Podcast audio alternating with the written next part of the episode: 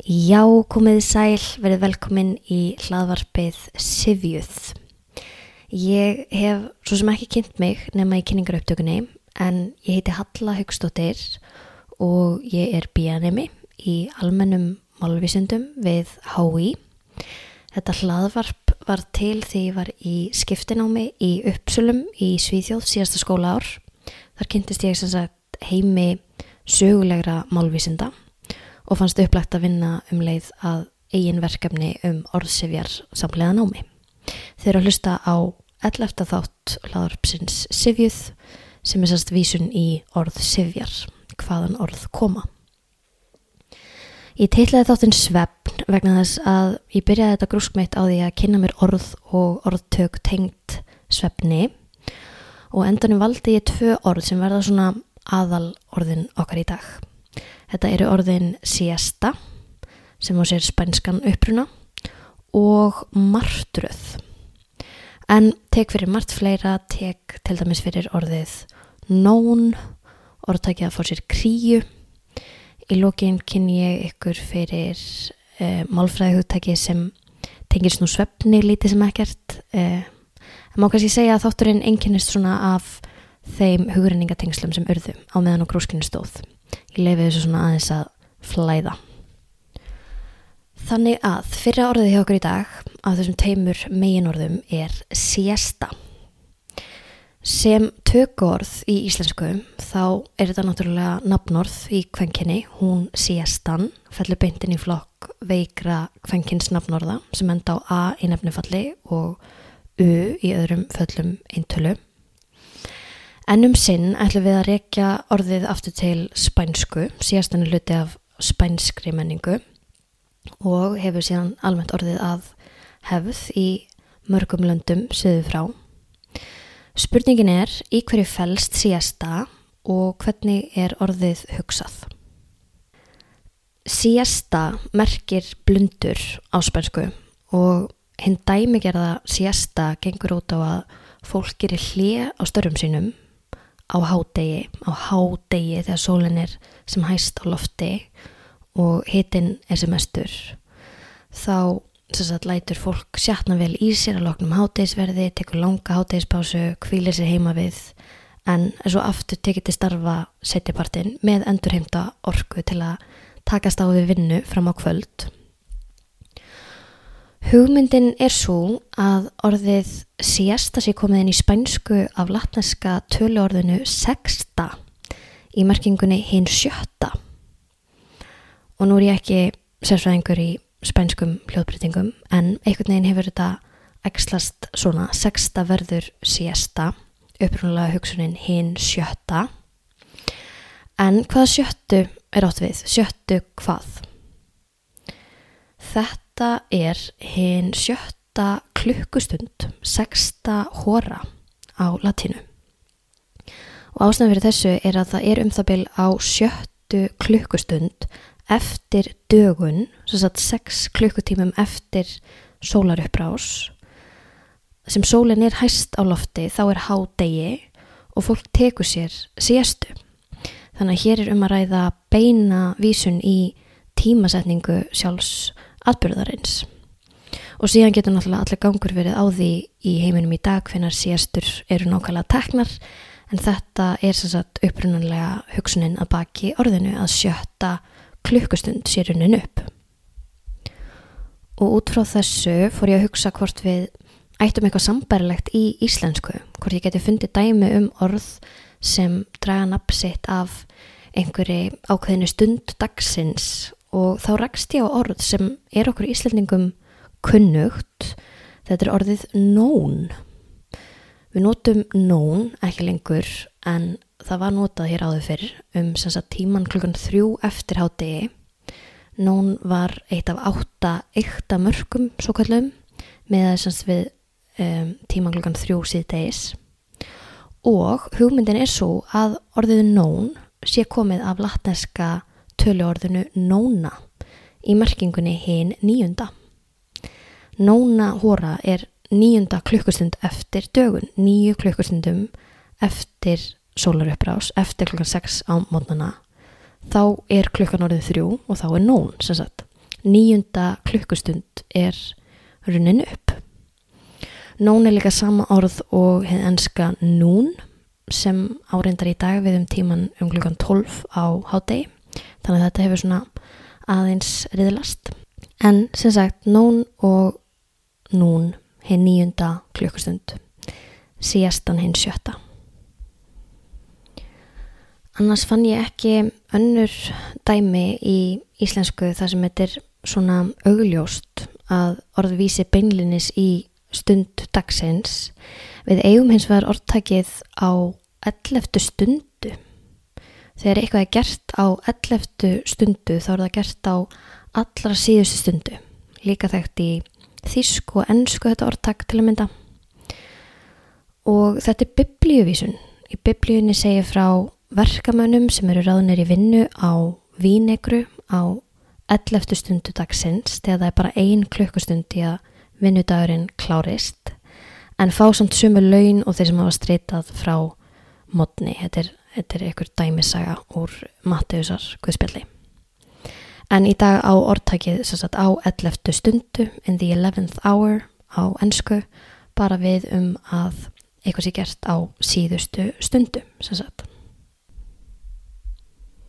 En ef við höldum okkur aðeins við þemað, síastan náttúrulega engan veginn hluti af íslenskri menningu, söðrænt fyrir bara í algjört, en hvernig kvílu við okkur hérna fyrir norðan og hvernig orðu við það? Við leggjum okkur, við fáum okkur lúr, fáum okkur dúr, eftirmyndagsblund, amma talaði alltaf um að fleia sér, svo sem fleir sér, hann fleir sér upp í rúm og nær smá kvilt. En mér langar sérstaklega að staldra við orðtækið að fá sér kríu, að fá sér kríu blund í merkingunni að leggja sig í smá stund.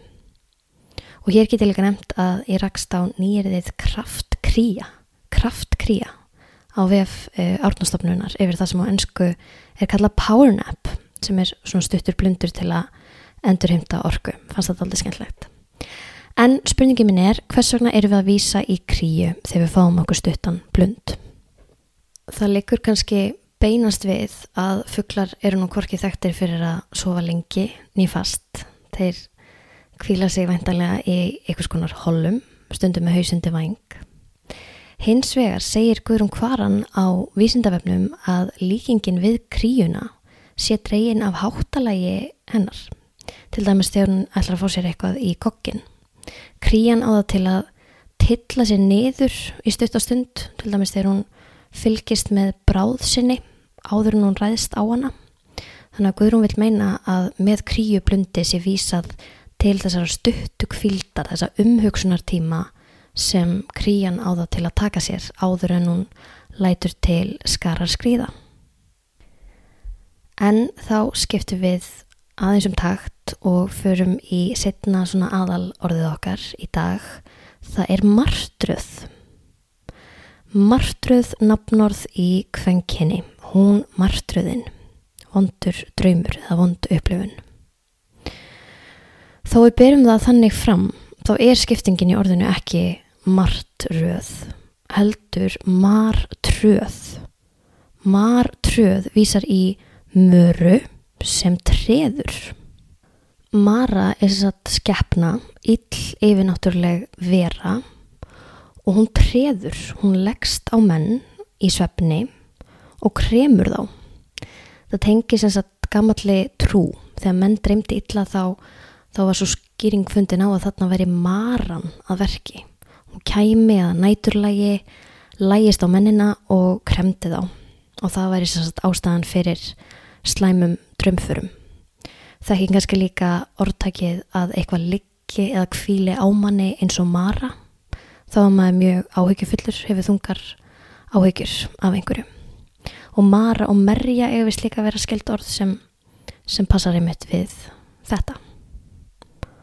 Og þessi sama mara er að verki í orðum yfir martraðir eða martraðir í mörgum öðrum tungum um, germanskar tungur, þau munið að íslenskan er germansmál, verðast nær allar vísa til murunar. Setni hluti orðsins nightmare í ennsku vísar til dæmis til hennar.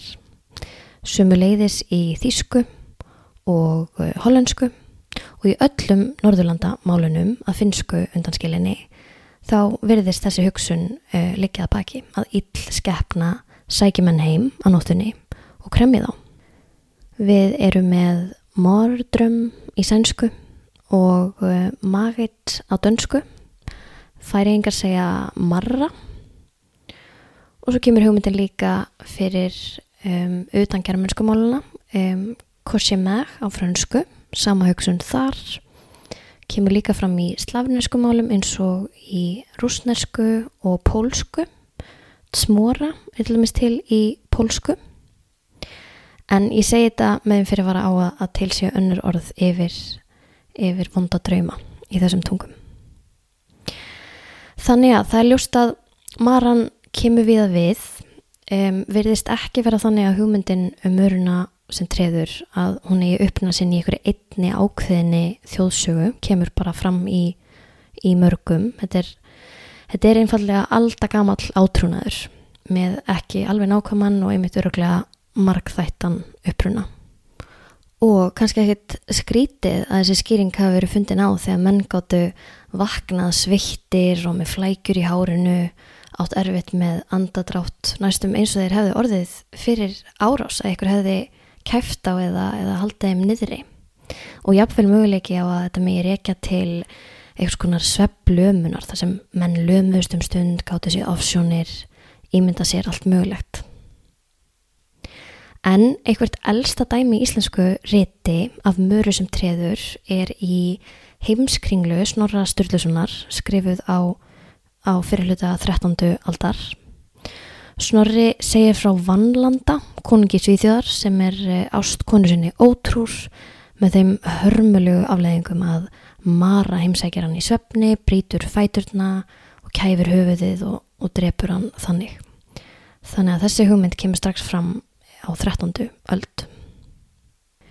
En rétt í lókin þá langum við til að nefna eitt málfræði hugtak sem tengist eh, framburðinum á orðinu martröð Mér finnst svo áhugavert að þegar maður segist hafa fengið marstruð að maður sé þá í ykkurum skilningi að segjast hafa orðið fyrir árás af völdum möru án þess að velta einánar fyrir sér án þess að vera meðutaður um hverju maður er í raun og veru að halda fram. Við veltum ekki einhverju möru fyrir okkur eða einhverju tróðningi fyrir okkur þó þetta séu orðin sem við, við styðjumst við til að koma meininga okkar til skila og það má segja að framburðurinn komi upp um okkur. Ef við bærum orðið fram í samrami við upprunan þá segðu við martröð, ekki martröð þar sem errið er kallað afrattað. Við höfum allavega ekki tilfinningu fyrir því hvar skiptingin í orðinu er. Það má segja að við tólkum upp á nýtt hvar fyrir hluti orðsins endar og setni hluti orðsins byrjar. Og þetta er fyrirbæri sem er þekkt í málfræðinni, kallast umtúlkun orðhluta skila. Við umtúlkum, við túlkum upp og nýtt hvar skilin í orðinu eru, hvað skilin á milli orðhlutana eru og það kemur fram í röngum innan gæsalappa framburði. Önnur dæmi um þetta er til dæmis um, orð sem ég hef áður fjallað um, heimalingur. Það er ekkert skrítið að við berum orðið fram heimalingur, við þekkjum heima og við þekkjum lingur en uh, skiptingin er á milli heim og allingur sá sem er alin heima.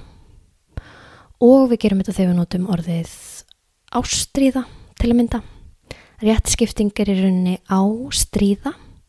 Þú hefur ástríðu fyrir einhverju þá, þá stríðir það á hugan ég hef ástríðu fyrir matagerð þá hefur það ekkert með matarást að gera? Það matargerð er það sem stríðir á huga minn. Ég ræði ekki við að, að, að þarna liggi áhugin en já, ég mislega þetta nefna. Ég ætla að stoppa mig af, mér langar að hafa þessa þætti stutta. Ég þakka ykkur fyrir hlustun. Ég laka til að heyri ykkur í næsta þætti. Og ég beði ykkur vel að lifa þanga til